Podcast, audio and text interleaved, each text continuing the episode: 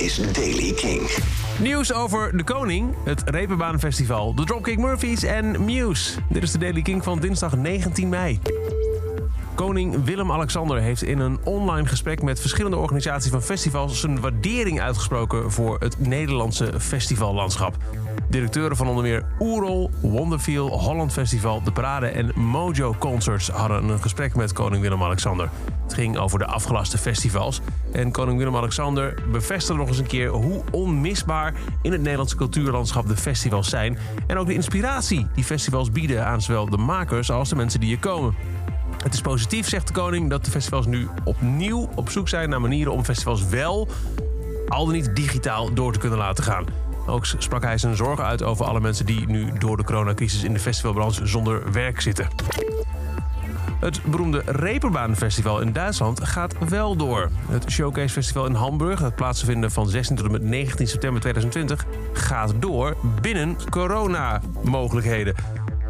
Anderhalve meter afstand, veiligheid, hygiëne. De organisatoren zeggen dat het dan hoofdzakelijk zal gaan om lokale artiesten en Europese acts. Weinig super internationaal. Maar het moet en zal doorgaan, dat zegt de organisatie.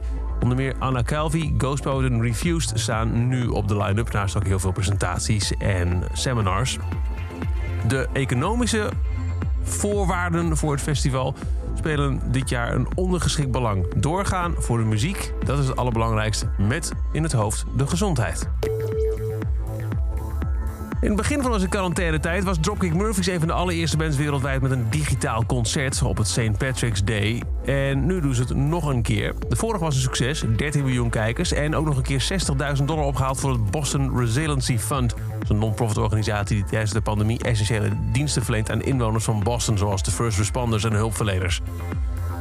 Op 29 mei doet Dropkick Murphys het nog een keer, maar nu vanuit een groot stadion, vanuit Fenway Park en met een bijzondere gast.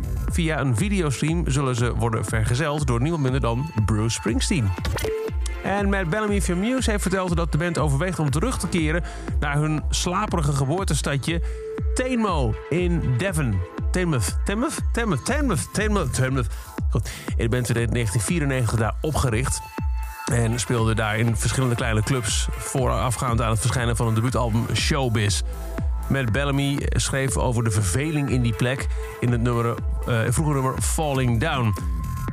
Nu zegt hij dus dat zowel hij als Dam en Chris tijdens een online chat hebben overwogen om terug te keren naar deze oerplek voor de band Muse om te werken aan een nieuw album. Dat wordt dan de opvolger van Simulation Theory uit 2018. Tot zover de Daily Kink. Elke dag een paar minuten bij van het laatste muzieknieuws en nieuwe releases. Niks missen? Luister dan dag in dag uit via de Kink-app, kink.nl of waar je ook maar naar podcast luistert. Elke dag het laatste muzieknieuws en de belangrijkste releases in de Daily Kink. Check hem op kink.nl of vraag om Daily Kink aan je smart speaker.